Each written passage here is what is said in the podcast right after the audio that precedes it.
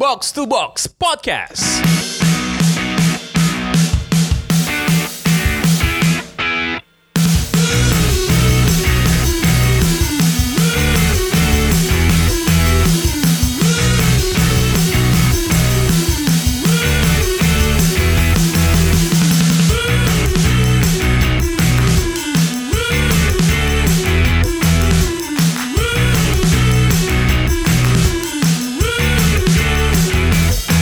Setelah akhir pekan yang membosankan karena nggak ada liga, ada ya cuma Nations League doang. Box to Box balik lagi. Gue Pangeran Cian. Udah Tio, apa kabar yuk? Baik Pangeran. Nonton Nations League nggak kemarin? It's coming home. It's coming home.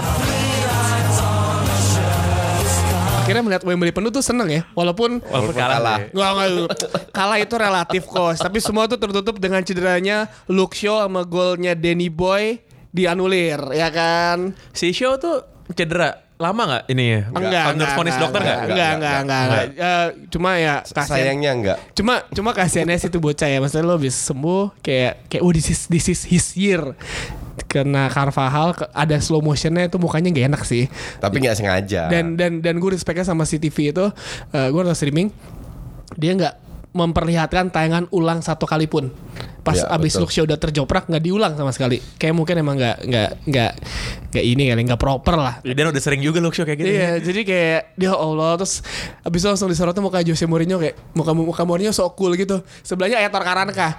Muka so cool gitu kayak kayak ya Allah. Soalnya pas golnya Rashford dari Show kamera nyorot ke si Mourinho kan. Iya, Udah iya. gitu dia mukanya jumawa banget mukanya kan kayak mm, gitu kan. anak buah gue, anak buah gue ngejebol, anak buah gue juga ya kan. gitu. Cuman emang gue lihat si show pas dia gue kan jujur aja gue nonton cuman sampai satu-satu terus gue tidur kan. Gue gue ketiduran sih sebenarnya gitu. Dan si show udah feeling kalau bakal kalah. Makanya lu tidur. sebenarnya menang atau kalah juga nggak terlalu ini ya. iya, degradasi ntar ketemu Iya, Belanda. Emang Belanda Enggak soalnya gue tidak mengakui Kompetisinya tuh gak penting Buat gue tidak mengakui Eh, Cuma si show tuh bener-bener kayak ini sih Kalau secara positioning tuh, tuh beneran kayak Marcelo Atau kayak Dani Alves Dia mainnya tuh Iya iya. Tengah lapangan lewat gitu kan Buat ukuran back back, back Karena full back ya, tuh karena emang tipikal si Southgate dari pas Piala Dunia pun juga wing back mereka emang selalu maju banget kan. Dia maju dan ya ini menggantikan posisinya Ashley Young yang dipanggil ya emang uh, paling benar adalah yang mendampingi the, the new David Beckham itu ya The new David Beckham the new, the new David Beckham yang ganti adalah the new Ashley Cole. Eh ya, Inggris kalah 1-2 dari Spanyol. Eh gue nggak tahu apakah ini termasuk berita apa enggak ya soal Inggris kalah dari Spanyol tuh sebenarnya sebenarnya itu kan ini ya something yang tidak mengagetkan gitu. Iya. Walaupun juga Spanyol lalu Enrique kan coach Nggak Justin kan bagus-bagus amat. Nggak, soalnya kan eh, coach Justin sebagai penggemar Luis Enrique ya coach. Dia cuma manggil dua pemain Barcelona kan, cuma Sergio Busquets sama ada dua kalau salah tuh yang dipanggil. Sama Sergio Roberto. Sama sama Sergio Roberto. Karena si Pique juga pensiun kan. Iya. Pique pensiun udah gitu Jordi Alba kan emang berantem sama dia dari Iya. dulu kan ya kan gitu. Cuman gimana Spanyol menurut lo mainnya?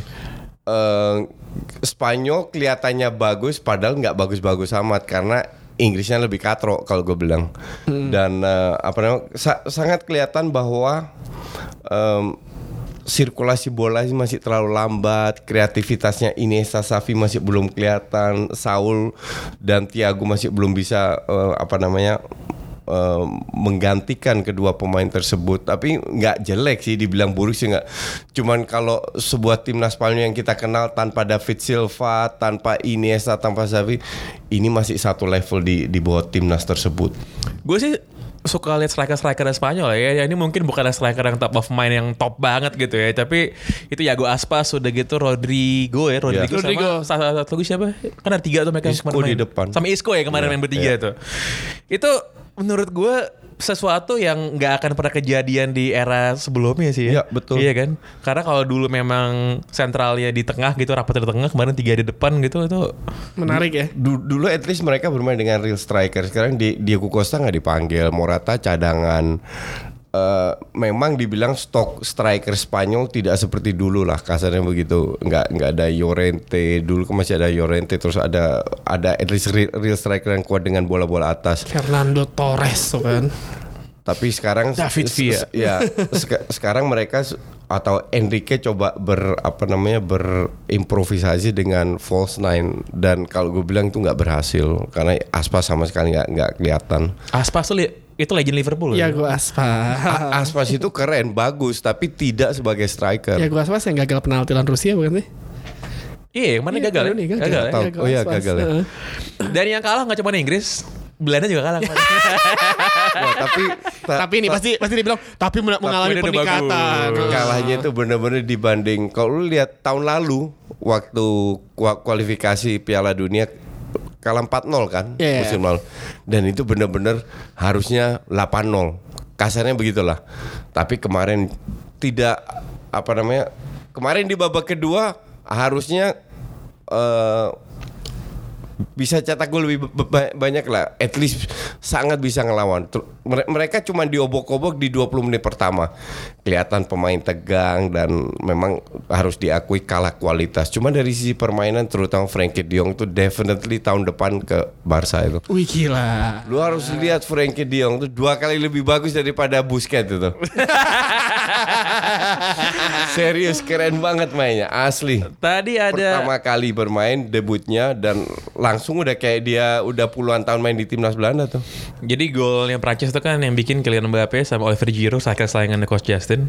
Eh, dan Belanda itu golnya dari Babel. Ryan Babel. Ya. Tadi ada orang di Twitter yang nanya, kenapa Ryan Babel masih bisa dipanggil ke timnas? Tuh Kenapa Nah nih? itu coachnya. Ya karena kekurangan stok jujur aja dengan maka dari itu ki- kita lihat sebuah prestasi itu tergantung kualitas pemain karena Belanda jelas-jelas sekarang dalam dalam masa transisi dan mereka masih butuh pemain yang berpengalaman. Emang sekurang itu ya? Maksudnya sampai kayak, Iya. kayak si Se- sekarang real striker Coba aja kita lihat ada. starting line up Belanda kemarin ya. Kiper yang seperti Silesen oke Barcelona lah. Back kiri Deli Blind, Virgil Wah van itu Dijk. parah banget tuh Blin. Back tengahnya tandemnya Van Dijk ini De Ligt, De Ligt. De Ligt. De Ligt tuh main di mana ya? Ajax. Main di Ajax. Kapten Ajax 19 tahun. Oh 19 tahun. Oh iya, yang, yang masih muda tuh oke gak? Oke. Kenny Tete nih belakangnya. Tete main di Lyon. Main di Tapi Lyon. di Lyon cadangan harusnya Yan Mat yang Yan main. Mat kemarin ya bench ya. Iya. Tengahnya Jenny Wijnaldum oke. Frankie De Jong tadi kan lo bilang oke. Davy Proper tuh yang main di Brighton kan. Iya betul. Nah, itu juga oke tuh menurut tuh.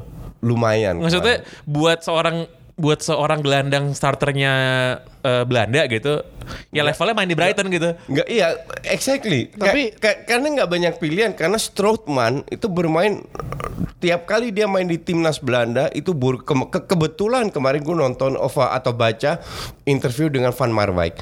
Kenapa Strootman bermain buruk? Karena ber- bermain di timnas di Belanda sebagai DM itu lebih dinamis harus lebih harus eh, bisa menyerang box to box. Sementara dia main sebagai DM di Italia itu lebih fokus ke bertahan. Jadi kalau menyerang pun biasanya dia sendirian kurang didukung oleh defendernya lain karena pada saat transisi biasanya di defender di di Italia itu lebih statis. Nah, sem- sementara di Belanda di diharuskan maka dari itu Wijnaldum role-nya juga berubah.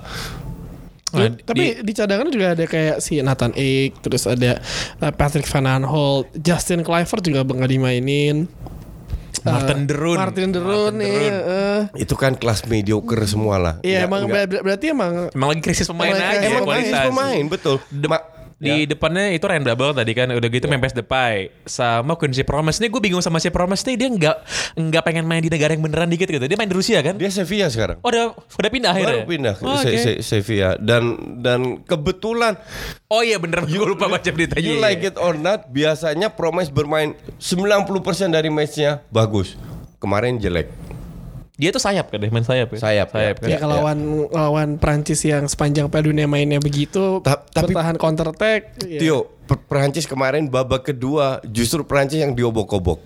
Mere- Mereka benar-benar unggul di dan gol pertama itu benar-benar gol kado dikasih sama uh, Promes. Ya itu juga pas Prancis pasti Piala Dunia juga gitu kan, misalnya Iya. bagus habis itu main diobok-obok eh lawan siapa? Oh lawan Australia mereka kalah kabut sendiri gitu di pertandingan Iya. pertama, Ya kan? Champion gua- Dumont juara dunia bebas ya Bebas. dan dan yang bikin gue bingung Griezmann ngomong di media eh, aneh kenapa juara dunia tidak masuk tiga besar Pemain eh, terbaik kan? pemain Sama terbaik sekali di, nggak di, ada. di FIFA sama sekali dan Siapanya layak nggak Ronaldo? ada lah main kayak Ronaldo, gitu. Ronaldo, eh, Modric, Modric salah. salah. Salah karena si Griezmann sampai bilang kalau gua udah dapat Piala Dunia terus gue mesti bikin apa lagi buat jadi ju apa buat jadi salah satu pemain terbaik. Padahal Giroud harus masuk nom- nominasi ya. Wih, tidak Giroud. bisa melepaskan satu pun tembakan sepanjang Piala Dunia ke gawang.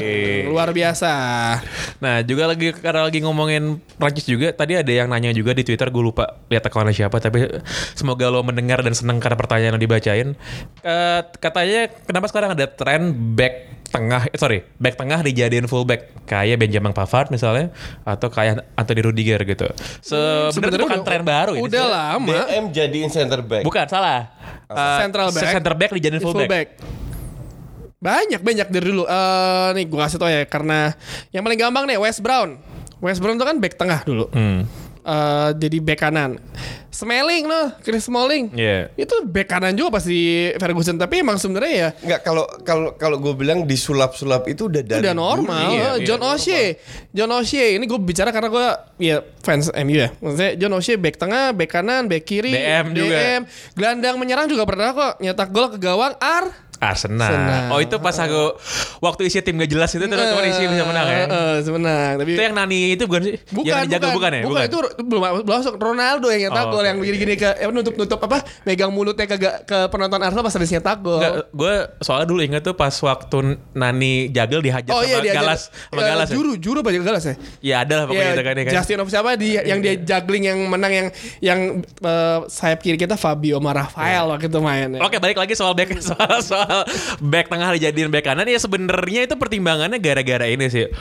Gara-gara strength sih kalau menurut gue soalnya kalau dari kalau dari segi speed dan mobility kan udah pasti kalah pasti Biasanya kan? Iya, kalah, kalah iya. kan? Cuman emang ada ini ya emang ada sebuah hal yang lebih solid lah. Karena emang kalau dibandingin kemarin dua fullbacknya Prancis pada waktu Piala Dunia di kiri Lucas Hernandez di kanan itu Pavard ini berdua-dua emang emang bukan flying fullback gitu kan Iya. Bukan. gitu kan tapi yang pertimbangannya kalau dari segi taktikal gimana coach Eh, sekarang kita tidak pernah tahu lawan bermain seperti apa. Apakah mer- mereka benar-benar mu- mundur atau tidak. Pada saat kita harus mencetak gol atau lawan benar-benar parkir bis. Jadi mau nggak mau eh, fullback ini pasti atau center back ini pasti ikut ke depan. Kalau mereka bermain di- dengan tiga center back, ya jadi fullback. Jadi kayak kayak kemarin eh, Matthijs de Ligt itu ikut di sayap kanan ngebantu serangan. Pavard pun demikian. Jadi untuk gue sih hal yang sudah lama terjadi. Mereka harus lebih fleksibel karena kita nggak tahu ter- tergantung strategi dari pelatih apakah bermain dengan dua center back atau tiga center back. Tergantung la- lawannya juga main seperti apa. Apakah lebih bertahan atau le- le- lebih menyerang. Sama mungkin ini kali apa namanya eh, keadaan skuadnya saat itu juga kan gak ada yang tahu kan kalau misalkan Iya. emang krisis bisa Iya, di switch betul. ke kanan ya make sense ya tapi Zaman sekarang semua harus lebih fleksibel lah. iya Nggak, soalnya kemarin kalau again kalau mengacu ke contohnya Prancis ya karena sebenarnya waktu Piala Dunia itu kan si Deschamps itu punya dua flying fullback kan. Punya. Ada Mendy segala kan gitu Ah. kan. Cuman nggak main. cuman nggak nggak main sama sekali gitu, nggak dapat porsi yang main karena dia emang lebih milih solid di belakang karena dia merasa ya gue emang pengen bangun defense yang kuat gitu. Tapi kalau lihat tren trennya tim tim tim Premier League kalau lo lihat tadi kan juga ada kasih contoh Anthony Rudiger katanya. yes Kalau gue pribadi sih gue tidak menganggap Rudiger back yang back yang top class gitu enggak lah menurut gue. mediocre malah kalau gue bilang. Ter- terlalu banyak back yang blunder. Back yang top class kalau untuk gue back yang sangat dikit membuat kesalahan atau blunder. Contoh pada saat ini salah satu siapa? Van Dijk contoh yang itu. Memang baik, Liverpool beli Van Dijk jago ya. Itu untuk gue back yang top class. Pique back top class. Ja- ja- jarang Ramos back top class. Tapi Ramos Bonucci Ramos tuh juga pernah jadi bek kanan kan Aslinya back kanan Iya, di asli awalnya back back kanan. Betul. Pique back dia back kanan. Pique pun dulu juga pernah jadi gelandang bertahan saat main di Iya. saat dipinjemin dari MU gue lupa ke mana dia main gelandang bertahan karena mungkin saat itu mesti mencari jati diri kali ya terus eh, apa namanya oh yang paling menarik Ivanovic ya si Oh, Chelsea. Ivanovic, ya, ya. itu back tengah kan Back tengah jadi back tiba-tiba kanan. jadi Jadi back, full back back, kanan betul. jadi full back Eh, kalau kalau zaman dulu Frank Rijkaard dari dari eh, eh, DM jadi center back bisa juga menjadi DM Sem- semuanya bisa. Dion Jadi Dublin paling keren lah. Yoi. Dion Dublin striker, jadi back tengah. di Coventry Eh, gue Google sana tuh Dion Dublin. Nah. Jadi itu udah dari da- da- dari dulu lah. Oh, kalau kalau di Indonesia ini yang menarik Bayangkara FC Jajang Jajang Mulyana striker jadi back tengah sekarang di Bayangkara. untuk cover si Indra Kavi. Dan dan karena si Simonnya ngelihat eh, po- apa namanya postur badan jajak yang gede dan jiwa kepemimpinannya, dia jadi back tengah dan so far bermainnya oke jadi back tengah. Apa ya, Bon?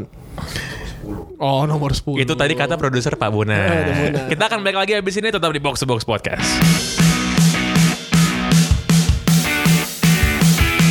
Jadi kalau kemarin gue udah yang bikin quiz, lalu Coach Justin juga udah bikin quiz, sekarang si Tio mau balas dendam nih, mau bikin quiz buat gue sama buat Coach dan juga buat lo semua pendengar Box to Box. Silakan Pak Tio.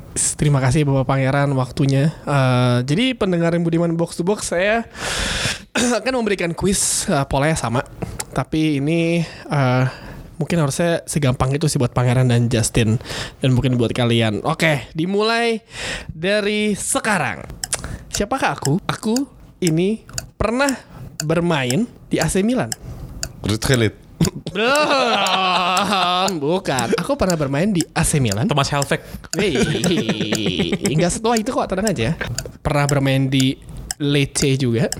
Lalu aku sempat bermain di Napoli dan sebelumnya tidak punya klub. Tahun berapa ini? 2000-an ke atas coach, gua nggak setua lu 86 baru udah jadi pelatih, heeh. ya kan? Oke, belum tahu nih. Aku setelah itu diselamatkan oleh Hellas Verona dan sempat bermain di Atalanta. Klub terakhir aku adalah Mantova FC. Anjing. Gue Aku pensiun di tahun 2013. Terakhir musim terakhir dia ada 2012 2013. Gue kalau Serie A nggak begitu Bentar, peduli bentar. sih. Oke. Bentar. Kalau gue kasih satu, oke. Posisi aku adalah gelandang tengah. Aku berkebangsaan Italia. Hmm, bentar. Gelandang Ini ada di ujung lidah gue Itali di Eh, Napoli. sebentar, ada nih. Lecce. Aku memulai karir aku di tim Atalanta umur 19 di tahun 98. Ini gue kasih satu clue, lu pasti langsung bisa Oh, jawab. gue tahu nih. ini. Bentar, bentar, bentar, bentar. Langsung bisa jawab nih. Bentar. Ah, siapa namanya? bentar. Gua kalau Italia agak lemah. Setelah Bentar nih. gua- Atalanta, gua- gua- ini yang terakhir nih, ini gua- clue terakhir gua- nih ya. Gue namanya Klub terakhir nih ya. Eh, setelah klub terakhir di Atalanta, aku mencatatkan 55 pertandingan dan 6 gol di Premier League. Hah? Terakhir ya masih tahu. Eh, eh, eh, aduh. Terakhir lo masih tahu. Di setelah dari apa? setelah dari Atalanta, aku bergabung dengan John Terry di Chelsea. ah, bentar, bentar, bentar, bentar. Ah, ah, ah, ah, ah, ah, ah. Aduh. Dari Chelsea, aku pindah ke Milan. Nyerah nggak? Bentar, bentar. Duh, Kok kita blown ya? ini gampang loh. Harusnya Gua- gampang ini. Gue udah kebayang ini ya. Gue nggak pange ini namanya yang gue. Nggak, ini ini- terlalu gampang buat kita. kita tahu yang ya? susah-susah. Terakhir terakhir lagi dong, kan lagi dong, kan lagi dong. Itu semuanya udah gue kasih tahu itu terakhir. Terakhir, Dari terakhir. Chelsea ke Milan. Ah. Dari Milan dia pindah ke Bolonya. Di situ dipinjemin ke Bolonya, itu pindah ke Lecce. Bolak-balik nggak jelas. Akhirnya udah pensiun. Kita semua ingat dia di Chelsea. Gelandang bertahan sebelum revolusi Chelsea terjadi. Fuck. Anjing lupa gue. Samuel dalam Dalam Bona anjing dalam Bona bener? Samuel Dalam Bona. Gelandang bertahan sebelum revolusi Chelsea Samuel kan dia. Dalabona, yoi. Dia adalah pemain sentral Chelsea kan. Banyak iya, itu iya. akhirnya Udah tahu gak coach Samuel Dalam Bona? Coach? Tahu, gue taunya dia di Milan. Bahkan gue nggak tahu kalau dia pernah main di Dia Chelsea. Chelsea. Chelsea sangat Chelsea, Chelsea. dari tahun apa Di 9 Milan tahu gue. dari tahun 99 deh. Under 21 dulu bisa Jo- naik tim John Harley, John Harley. John Harley, John Terry dia sangkatan tuh. Nah kata. Oke, eh, itu tadi Samuel Dalabona. Yang Jadi belum yang belum tahu googling aja Samuel ya. Dalabona itu sudah join dengan Umit Davala dan Khalid Bularus menjadi Hall of Fame di quiznya Box to Box ya. Kemarin juga Umit Davala rame tuh. Oke, sekarang kita mau memberikan apa kita mau merespon dari pertanyaan-pertanyaan netizen. Udah banyak yang nanya nih karena tadi gue nge-tweet minta daftar pertanyaan dong siapa tahu ada yang menarik untuk kita obrolin. Berapa hal ya? Ada beberapa nih yang menarik. Bentar. Mm, mm, mm, mm, mm. Yang ini bagian ini ntar dikata yuk. Ntar gue potong-potong tanya kalau kosong-kosong biasanya langsung gue potong-potong. Tadi gue mau David Pizarro gitu kan, tapi kita ribet ah. Bang, request Snyder yang baru pensiun dari timnas Belanda. Min Snyder ke mana Min? Min Snyder gak masuk MU Min. Ini by the way tweet itu tweet tipikal ke para fans MU dulu. Karena dulu setiap musim ada gosip kan dia mau pindah ke MU tapi kayak kagak jadi-jadi. Eh, kalau gosip ke MU, semua pemain top dunia selalu tiap tahun digosipin mau ke Oh MU. enggak, tapi yang yang konsisten beneran Snyder. Snyder, tuh kon- tiap musim pasti ada tweet. namanya dia tuh ada mulu tiap Min tiap- jadi Snyder kapan ke MU Min? Gitu. Min jadi kapan di, eh, disebut Snyder Snyder? Kenapa dia nggak dapat Ballon d'Or 2010? Ya itu emang ngaco sih. Kalau menurut gua harus dapat ya. Pas itu pas Eh, dia masuk final Piala 2010 dunia, setuju, ya. udah gitu juara Champions Champions, kan, ya, ya kan? ya, ya. Yang dapat Messi gitu nggak salah kan? Iya. Ya, tapi itulah ba- Ballon d'Or yang dinilai oleh para wartawan ya sudahlah. Oke, eh, dari dari Gregorius Jonathan bahas sebenarnya pemilihan kapten di timnas oleh pelatih itu dasarnya apa? Contoh di Brazil Neymar jadi kapten padahal yang lebih senior dari dia ada Thiago Silva sama Miranda. Itu kan- Terus Lewandowski di Polandia padahal ada Piszczek sama Kuba. Jadi Jadi kan apakah itu kebenaran- tergantung pelatihnya kan coach? Tergantung Pelatihnya, pelatih kan? dan dan itu bukan tergantung usia. Umur, bukan umur sih, nggak bukan umur. bukan tergantung ta- tapi justru eh, pengaruh pemain ini terhadap tim. Ya? iya, De Ligt umur 19 tahun kapten di Ajax, padahal masih ada yang Tadic, Ziyech, yang yang yang yang bagus-bagus tapi kembali lagi kayak kayak di Barca kalau bisa dari La Masia. Empat empat kapten Barca kan La Masia. Ajax pun rata-rata ya j- jadi tiap klub itu parameternya eh, Beda-beda ya? Beda-beda semua. Ya kalau misalnya emang kapten itu kan ada faktor kepemimpinan itu pasti, Iya. ada faktor udah lama-lama ada di klub gitu. Iya, Dan iya. kalau emang yang spesial banget kayak si The Life tadi sih menurut gue itu emang gak heran sih ya. Iya. Ya, Karena kayak, kayak dulu Fernando Torres Torres di jadi Atletico Madrid juga masih bocah, Iya, masih El. Nino kan. De Gea juga jadi pernah jadi kapten juga di Atletico Madrid kan. Saya Iya, juga nggak iya. ada ini Jadi juga sebenarnya tuh nggak mengherankan sih ya. Bentar, apa lagi nih? Yang bagian segmen dulu gue potong-potong nih. Mm-mm. Biar cepet. Yang quiz juga dipotong tuh biar cepet. ah gue kasih backsound kalau quiz ah. Bahas partai partai perdananya, partai debutnya Egi Maulana di Legia Gedangs. Gimana coach? Itu padahal friendly doang kan? Itu friendly dan eh, kalau lihat usianya yang masih muda eh, apa namanya se- sebenarnya bagus kalau dia dikasih kesempatan di friendly dan mungkin satu tahun ini gue tidak berharap dia akan main di eh, di real competition sebagai starting line up tapi harusnya tahun depan dia sudah bisa menjadi bagian eh, dari tim inti yang lebih sering bermain. Karena untuk adaptasi di negara Eropa Timur yang yang tidak seterbuka, tidak sefleksibel Eropa Barat kal- kalau kalau gue bilang nggak nggak gampang ya. Dari bahasanya pun juga susah dari semua susah.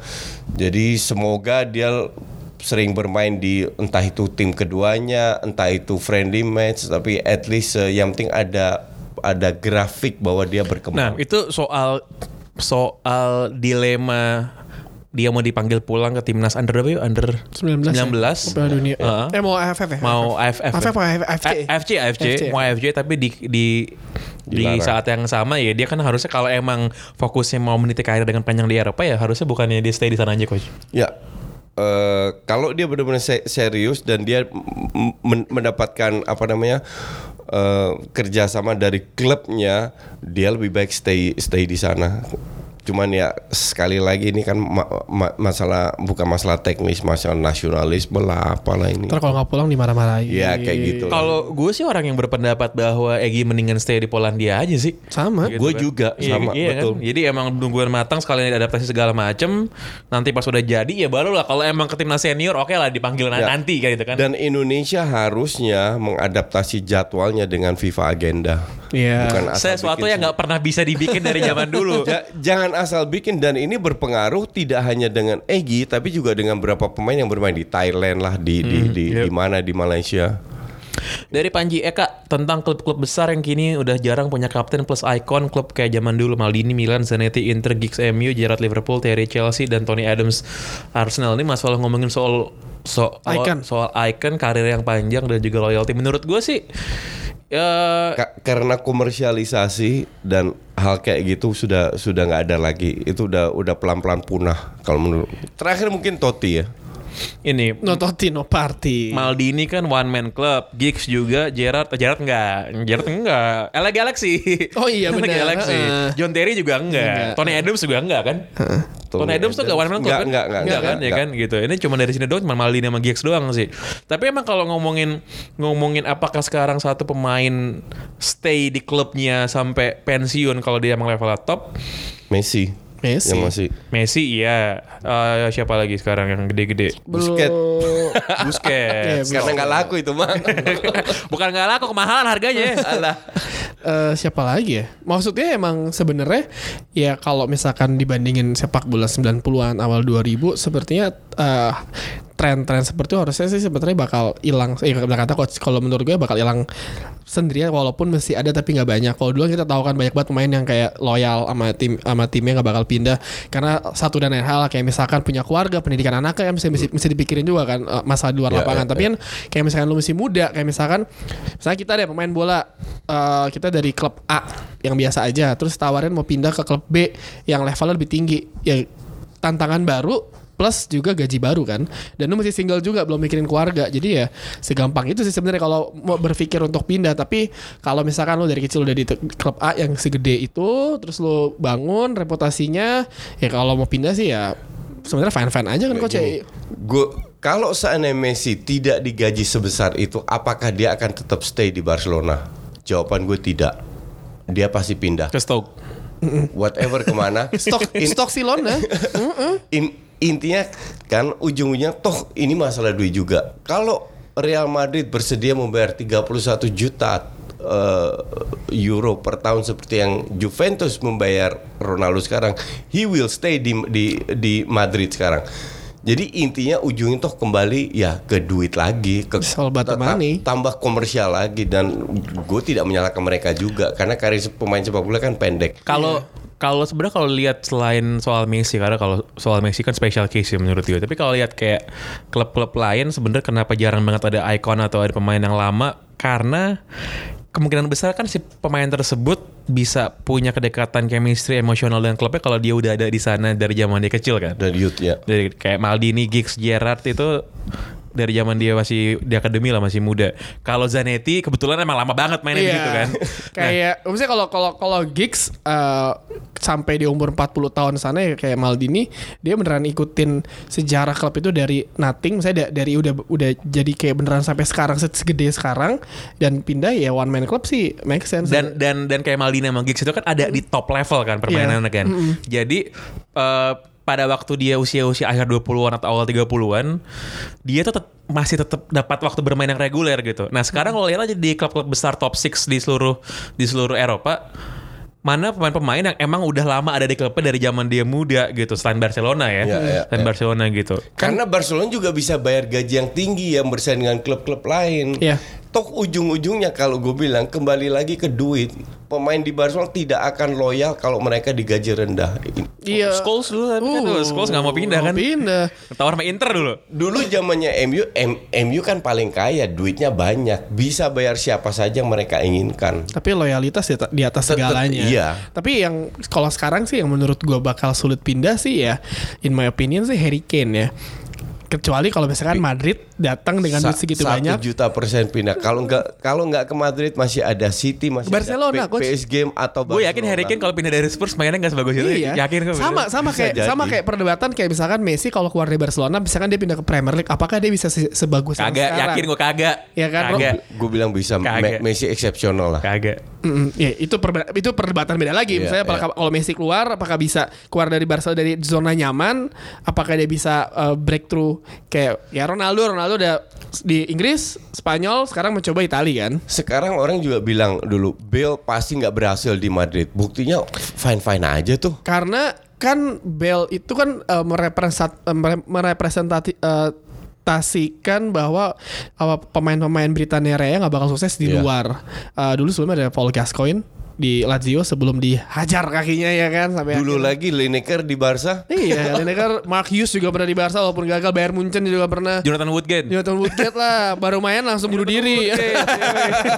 ya, eh, terus ya Michael Owen walaupun orang bilang dia gagal di Madrid, tapi sekali di main dia nyetak gol, nyetak gol Iya. pas El Clasico pula. Keane Inter Milan loh. Iya. Bayangin Keane main di Inter. Waktu itu masih yang apa wonder kita Coventry ya kan. iya. Eh, Tapi ya emang akhirnya Gareth Bale berhasil mendobrak itu Iya. jadi orang-orang terbuka oh ini bukan permasalahan. Mungkin kalau dulu belum banyak eh, apa namanya info-info dari soal liga lain dan liga lain emang dulu kan nih coach ya correct me if I'm wrong liga-liga lain dari dibandingkan misalnya liga Inggris Italia cara mainnya beda kan Iya, ya dan pasti. punya khas sendiri Iya. jadi satu pemain pindah ke satu pemain adaptasi plus Iya. culture-nya juga Paul Ince itu pindah dari MU ke Inter bermasalah dengan culture-nya Eh, karena dia Banyak. Iya banyak, terus yang gitu. eh, apa namanya?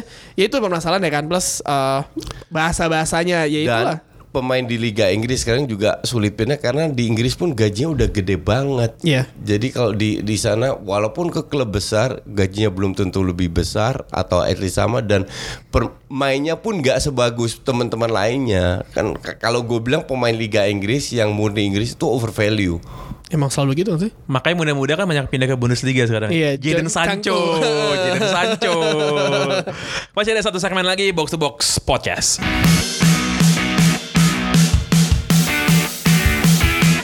Kemarin ada yang nanya ke gue di Twitter. Katanya gue sih mau ngedengerin podcast bola kalau yang ngomong itu adalah orang yang emang kerjanya di bola, terus emang punya pengetahuan bola dan emang apa ya, emang expert di bola gitu. Ya, terus ya, betul. Terus kalau gue kayak gitu yang boleh bikin podcast cuman pemain dan pelatih doang dong. Susah dong ya. Iya. Cuma enggak lah kalau kalau menurut gue kan kita semua emang fans bola ya. Iya. Dan kalau lo, lo sebagai sebagai makhluk yang berpikir abis lu nonton sesuatu kan lo akan punya opini itu tuh udah Iya, pasti kan, iya. udah Iya, pasti betul, kan. betul. Perkara apakah opini lo layak didengar atau enggak itu urusan lain. itu urusan, Urusan lain. orang. Urusan-urusan lain. Tapi untuk lo punya opini ya itu ke- itu kebebasan masing-masing lah. Iya, iya. Gitu. Soalnya kemarin em, ternyata ternyata banyak yang ngasih ke gue banyak yang banyak yang udah bikin podcast sendiri sendiri kan termasuk yang teman kita yang kemarin itu loh Oh, iya. yang kemarin datang ke studio kita itu Yang nomor dua ya? nomor dua itu Yang dua eh, dua seperempat lah karena masih ada kita yang Iya. yang kalau yang lama itu di situ. Nah ternyata nggak cuma Retropus doang gitu, ada yang lain-lain juga yang selama ini gue nggak tahu. Jadi ternyata mereka semua ini sudah menggeliat gitu kan sudah ada Iya. dan dan kalau menurut gue coach ya, menurut gue tuh bagus banget karena Bagus, gue setuju. bagus karena kenapa? Karena fans bola ini kan apa ya? ef- eh, fans bola ini kan sebagai penonton sebenarnya selama ini kan pasif ya. Lo Iya. cuma nonton di depan TV, baca berita, kalau keluar jersey baru beli jersey baru gitu Ngoceh kan. di Twitter. Ngoceh di Twitter segala macem gitu. Cuma kalau apa ini kayak semacam empowerment semacam empowerment gitu sih, Iya. pemberdayaan gitu lah.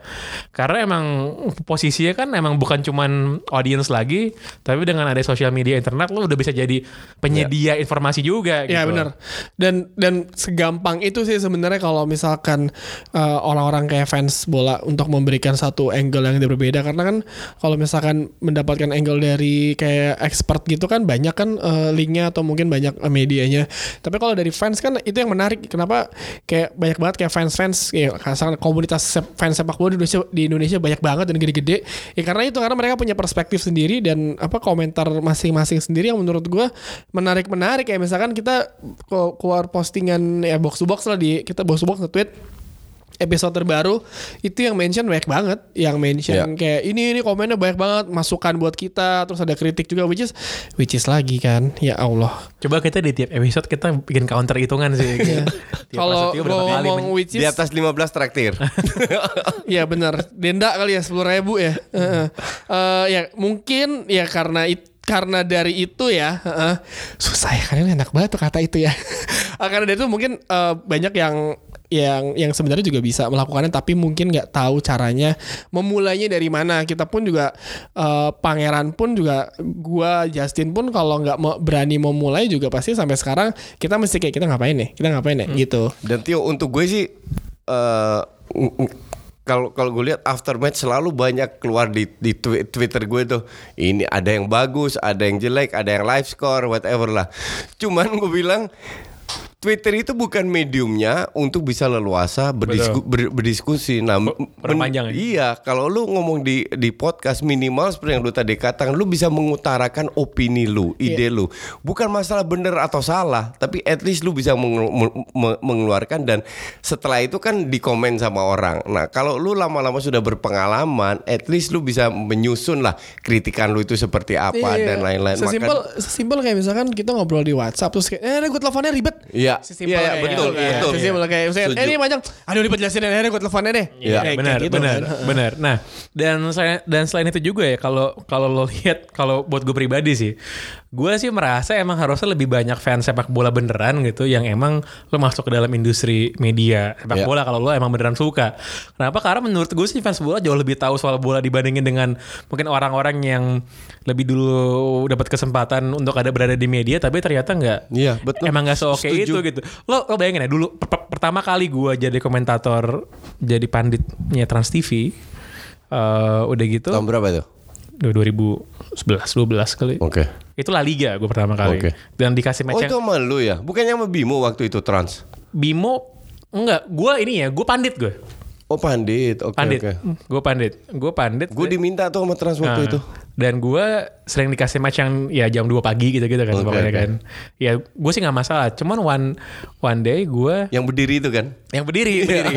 yang berdiri terus pernah dapat FA Cup juga. FA Cup yang sosokan pakai apa namanya?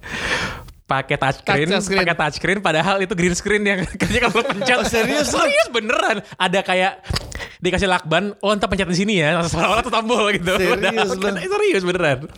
Nah cuman yang gue paling inget adalah gue tuh sering banget dulu dipartnerin sama hostnya artis FTV gitu lah. Iya. FTV yang menurut gue sih dia trying dia trying too hard untuk terlihat ngerti bola padahal enggak gitu. Iya. Yang paling yang paling ini yang paling apa yang paling kentara pas waktu itu kan lagi zaman-zaman green and gold kan, Love United Hate Glazers kan dengan scarf hijau sama kuning yang setelah diambil sama Beckham dilempar ke ini kan dilempar ke ke lapangan sama Beckham kan langsung jadi global trend gitu kan. Terus gue bawa lah scarf itu kan ke tempat siaran gitu. Lalu terus dengan PD-nya si host FTV ini Ih bro keren banget nih Borussia Dortmund nih Baik bosku, baik bosku. Mungkin ya mungkin Mungkin dia merasa keren Gue tau Borussia Dortmund gitu kan Tapi Borussia Dortmund gak ada hijau ya Kalau dia ngomong itu Norwich City gitu Norwich masih masih, Masih masuk iya. Kuning hijau Iya, gitu kan iya. Borussia Dortmund nih gitu Jauh. Nah dan ternyata orang yang kayak gitu kan Gak sedikit gitu loh Dan dan dan dan banyak kan kayak gitu. Dan, Dan- kalau dan- di TV kan banyak yang jual tampang dan dan doang. dan dan dan apa namanya dan menurut gue sih harus dibedain ya Eh, mana orang yang bekerja di dalam media sepak bola eh, karena suka bola atau karena bekerja di media sepak bola jadi suka bola gitu jadi sukanya Iya. belakangan Nih, itu nih. kelihatan banget Eh, pengalaman gue waktu gue di Manila di Filipina gue membikin tim. Kalau kalian tahu website namanya 90 Minutes itu yang Indonesia yang bangun gue dari nol lah. Terus gue narik apa nyari orang dong nyari nyari orang eh nyari nyari orang terus eh, kayak orang baik ngirim CV deh ngirim CV kayak bilang oh ya gue tertarik apa apa apa apa. Gue tanya sama mereka "Eh, lu suka bola? Suka suka banget. Ya bikin tulisan dong. Ternyata emang orang suka bola yang saya yang kayak ngefans banget sama bola belum tentu nulisnya maksudnya di media bisa eh, oh, itu iya udah bisa pasti. itu dong iya. ya dan sebaliknya juga jadi kayak oke kayak jadi ya sebenarnya ya benar kata Pange gitu banyak sih yang orang-orang kayak berusaha keras untuk terlihat di depan orang mengerti bola sih. Tapi sebenarnya gue punya temen eh, dia bisa menjadi ya dia pernah jadi narasumber gue di 442 eh ngomongin bola dia nggak ngerti bola tapi justru itu kekuatannya oh gue pernah lihat tuh video Ya, justru Kayak- itu kekuatannya. Justru itu dan itu gue narik itu sebagai kelucuannya. Jadi ya ya kalau misalkan kadang-kadang kelemahan adalah kekuatan lu sendiri kan. Jadi ya ya gampang lah sebenarnya ngotak-atik aja zaman sekarang. Sebenarnya gini kan, pada saat lo ngomongin lo ngerti bola tahu bola itu kan sebenarnya semua orang hampir semua kecuali lo pemain atau bekas pelatih. Lo kan lo kan semua sama semua startnya. Lo kan penonton pihak ketiga semua kan. Lo nonton TV, lo baca berita, lo baca sejarah, trivia segala macem Iya, gitu. iya. Jadi emang urusan eh, emang itu emang soal masalah komitmen dedikasi sama rajin-rajinan sih. Iya, Gitu. Nah, masalahnya adalah lo tahu nggak kenapa podcast itu menurut gue sendiri itu bakal on the rise terus. Orang kita malas baca pak. Iya. itu semua itu semua informasi tersedia bisa lo baca gratis, Iya. gratis, nggak ada yang mau baca gitu. Dan kalau gue lihat gue ba- baru 3-4 hari yang lalu baca di koran Belanda bahwa podcast itu meningkatnya itu udah ekstrim dengan istilah ekstrim. Jadi eh, salah satu alasan yang sering dikatakan orang, kenapa lu nggak mau denger radio tapi denger podcast? Alasannya simple, karena topik yang ingin gue denger di podcast itu setiap saat gue bisa denger dan di radio tidak. Bisa gitu. Itu alasannya. Makanya peng- penggemar podcast itu me- meningkatnya itu ekstrim. Karena karena kalau misalnya kalian pernah nonton di Fox TV kabel ada satu series eh, namanya Alex Ing itu dia ceritanya adalah seorang profesional meninggalkan pekerjaannya yang sudah set- eh, settle Iya. dan dia mendirikan eh, perusahaan podcast Oke. dan di Amerika emang Amerika. Amerika emang home of podcast kan banyak banget Iya, podcast iya. podcast di Amerika jadi ya sebenarnya kalau ngomongin eh, podcast adalah podcast eh, another way to kayak kayak sesuatu yang baru dibandingin radio sih karena gue ya gue eh, berkecimpung di radio dari dari 2007 sampai eh, tahun ini eh, dan yang kurang dari radio adalah mereka eh, walaupun sekarang udah ada streaming atau apa tapi mereka nggak bisa eh, kayak gue nggak tahu ya apakah Dan jamnya Tio. Ya, gua apa gua nggak tahu ya apakah correct me if I'm wrong ya. Apakah udah ada apa belum teknologi? Tapi kalau podcast lu bisa mendengarkan eh gimana deh ulang dikit. Eh gitu kan. Gua nggak tahu apakah rad- ada radio yang udah bisa narik kayak misalkan kayak misalkan satu dengar oh curhatannya seru nih, curhatannya seru nih. Oh ditarik dikit eh nggak bi nggak tahu bisa apa. Kalau di, kalau dibikin connect bisa sih. Oh ya bisa emang Karena gue sering nonton gitu juga Eh, Jadi iya itu yang menarik sih eh, Menurut gue soal si podcast Dan topiknya pun bisa lu pilih sendiri Kayak misalkan Gak usah sepak bola deh Kalian coba buka podcast di- Misalkan eh, Keywordsnya podcast di Spotify Banyak banget Filsafat kehidupan lah Ngalor ngidul gak jelas All all. Oh, Semua dan, dan, jenis. dan, dan yang paling atas siapa paling atas? Box to to box. Jadi pada akhirnya kalau lo fans bola, lo merasa punya opini yang layak untuk didengar oleh orang lain, lo gak usah takut, lo bikin podcast lebih gampang dari bikin video yang pasti. Yang penting sih cuma konsisten aja ya. Iya konsis itu yang paling penting sih.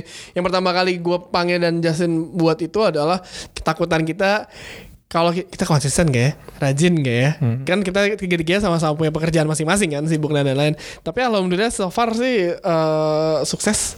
Dan seminggu dua Dan lebih banyak dan gue rasa sih kita lebih banyak lagi butuh podcast olahraga eh, bola dan dan, juga olahraga Olahraga. general sih. Soalnya orang Indonesia kan soto-soto ya dan sangat gemar untuk beropini gitu. Betul. Kayak- Jadi jadi gue agak heran kenapa mereka nggak ingin memproduksi opini untuk didengar oleh oleh oleh masa gitu tuh Ya nggak sih? dan Jus- justru kita, kita pun juga butuh kompetitor ya. ya, da- dan dan gue kalau udah ada, udah ada. Udah ada ya? nomor dua Udah ada sama nomor tiga Oh, nomor tiga udah Ah, ada. udah ada ah, ah. Yang yang nomor tiga tuh gue kasih nama by the way. Tapi ya emang menarik sih kalau podcast misalkan kayak gue waktu mendengar football rumble, eh, gue sangat ingin berada di situ untuk untuk ikutan ngobrol. Iya. Dan itu juga banyak yang nge-tweet, ih gue pengen ada nih di obrolan ini nih. Kayak misalnya kita ngobrol bertiga mereka ada. Sampai Boleh ada yang udah bikin kuis hadiahnya nongol di podcast. boleh boleh boleh. Bi- Bisa bisa kita lakukan sekali bisa, sekali. bisa, bisa. Asal siap mental aja kan.